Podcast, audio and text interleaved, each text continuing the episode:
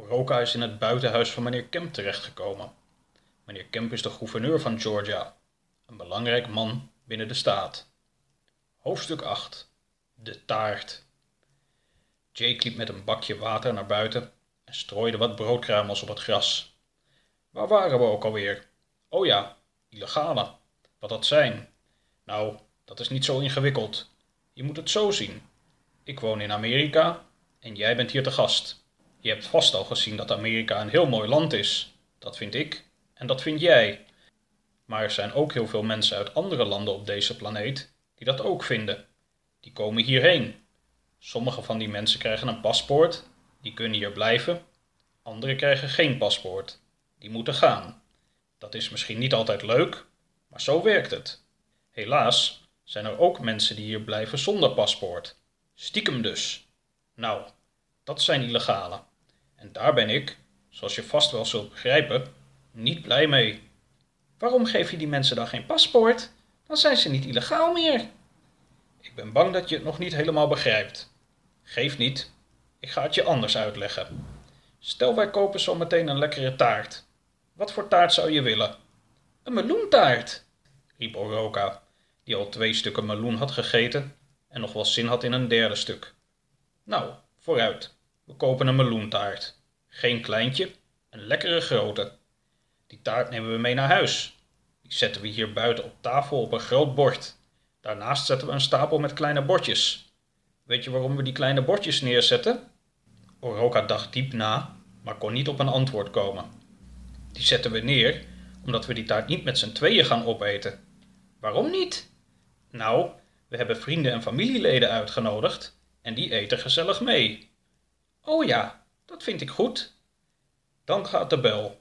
Onze gasten komen, we snijden de taart in stukken en beginnen gezellig te eten. Maar dan gebeurt er plots iets vreemds.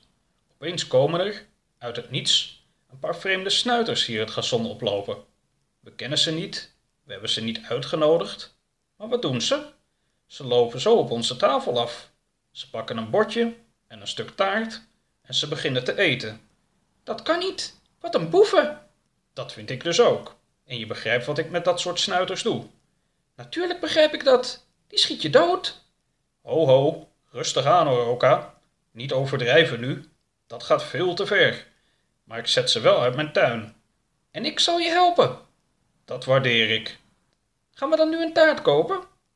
Nee, ik ga een visum voor je regelen. En ondertussen kan jij Jake gaan helpen. Er moet nog gras gemaaid worden. De kippen moeten worden gevoerd. Er valt ook nog flink wat hout te hakken. Hoor je me, Jake?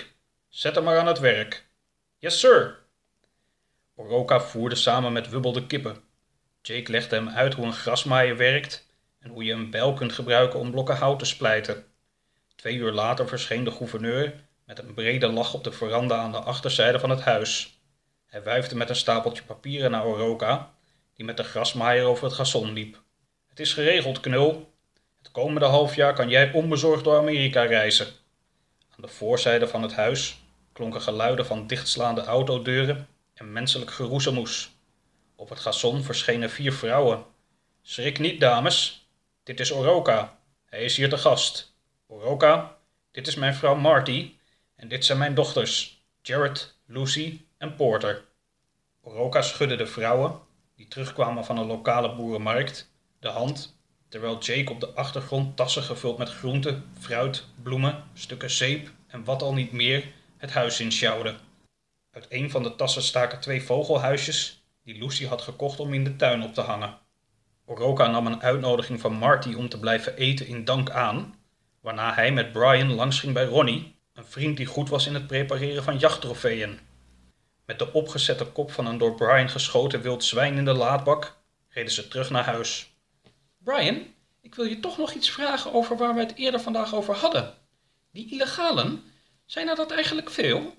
Helaas zijn het er behoorlijk wat, ja. Maar hoeveel is niet precies bekend. Terug bij het huis van de familie Kemp nam Brian Oroka mee naar zijn werkkamer. Op een kastje stond een lamp. Het licht van de lamp was gericht op een foto aan de muur. Weet je wie dat is? Ik zie een man met blond haar en een rode stropdas. Ja, maar weet je wie dat is? Dat is onze president, Donald Trump. De hoogste en machtigste man van heel Amerika. Misschien wel de machtigste man van de hele wereld. Gekozen door ons Amerikanen, gezegend door God. Onze president kent de gevaren van immigranten en illegalen maar al te goed. Hij wil een muur bouwen langs de grens met Mexico, ons zuidelijke buurland, om te voorkomen dat mensen vanuit dat land en andere landen in Zuid-Amerika in grote getalen hierheen komen. Want president Trump weet dat Mexico niet zijn beste mensen naar Amerika stuurt, maar mensen met veel problemen, mensen die drugs en criminaliteit meebrengen. Zelfs verkrachters komen hierheen. Er zitten misschien ook goede mensen tussen, maar veel van de mensen die hierheen komen hebben problemen. Dat is vreselijk. Wanneer is die muur af? President Trump doet wat hij kan, maar zo'n muur zet je helaas niet in een paar dagen neer. Tot die tijd zijn we afhankelijk van onze grenspatrouilles, om te voorkomen dat al die mensen vrij ons land binnenlopen.